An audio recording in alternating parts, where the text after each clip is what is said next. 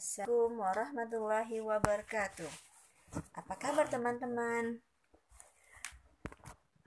Hari ini Bunda Dini jumpa lagi dengan teman-teman dalam acara Sabun Kisah Bunda yang akan berbagi cerita tentang orang-orang saleh yang menjadi teladan yang baik atau tentang sejarah untuk menambah pengetahuan teman-teman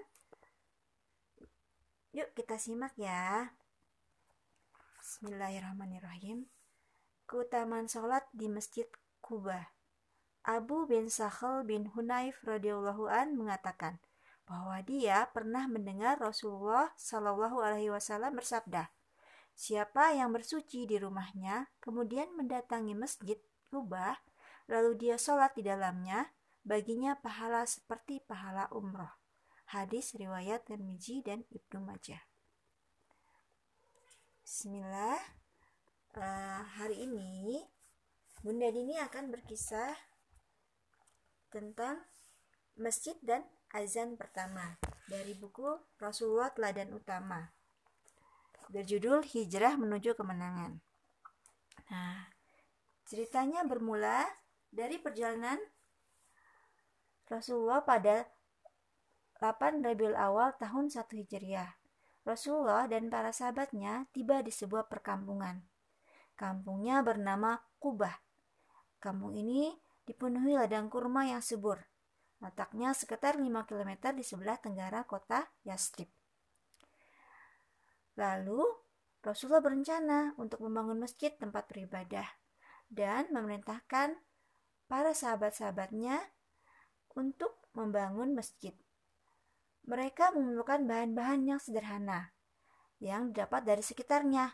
Ada yang memungut batu-batu dengan ukuran dan bentuk yang beragam. Kaum muslim bekerja penuh semangat. Ada juga yang mengangkat tanah liat untuk digunakan sebagai perekat. Ada yang memungut batang dan pelepah pohon kurma. Batang kurma dibuat sebagai tiang penyanggah. Sementara itu, pelepah dan daun kurma dijadikan sebagai atapnya dan Rasulullah pun ikut membantu kegiatan pembangunan tersebut. Sampai bangunan tersebut terbentuk dan menjadilah Masjid Kubah. Masjid ini masjid pertama yang dibangun di kota Yastrib. Namun suatu hari Rasulullah mengadakan musyawarah. Rasulullah berpikir bagaimana caranya untuk memberitahu kaum muslim bahwa waktu sholat telah tiba dan kaum muslim pun banyak mengusulkan untuk menggunakan bendera atau menggunakan asap. Tapi kesemuanya sulit untuk dilaksanakan. Kenapa? Kalau bendera dan asap itu akan sulit dilihat kalau dari kejauhan atau ketika malam hari. Dan ada juga yang menyarankan meniup trompet atau membunyikan lonceng. Ini pun ditolak oleh Rasulullah karena cara ini seperti yang dilakukan oleh kaum Yahudi dan Nasrani. Namun suatu malam, seorang sahabat bernama Abdullah bin Abbas bermimpi. Dan ketika subuh menjelang, dia datang dan bercerita tentang mimpi tersebut kepada Rasulullah. Wahai Rasulullah, dalam mimpiku aku melihat ada seseorang sedang menenteng sebuah lonceng. Aku dekati dan aku dekati orang itu. Dan aku bertanya, apakah kamu bermaksud akan menjual lonceng itu?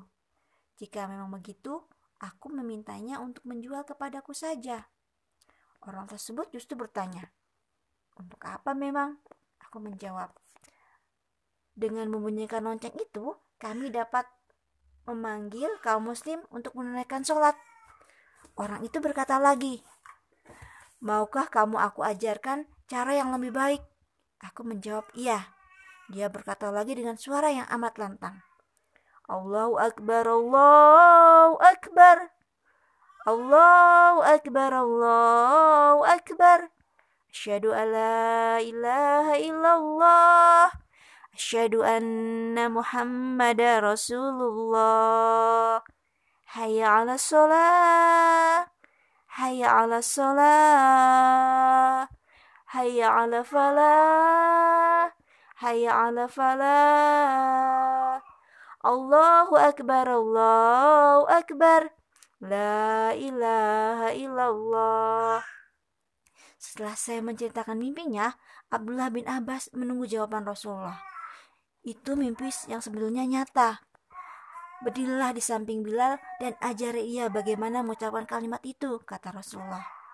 Dia harus mengumandangkan ajan seperti itu, karena dia memiliki suara yang amat lantang, seru Rasulullah lagi.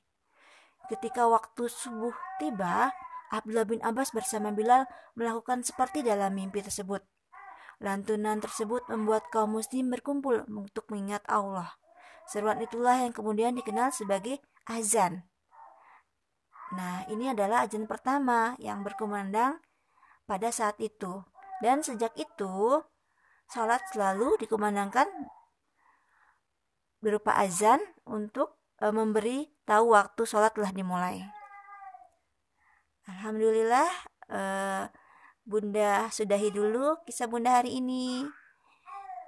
Semoga apa yang Bunda sampaikan bermanfaat ya teman-teman. Tetap semangat. Cinta Allah, cinta Rasul, dan sayang ayah Bunda.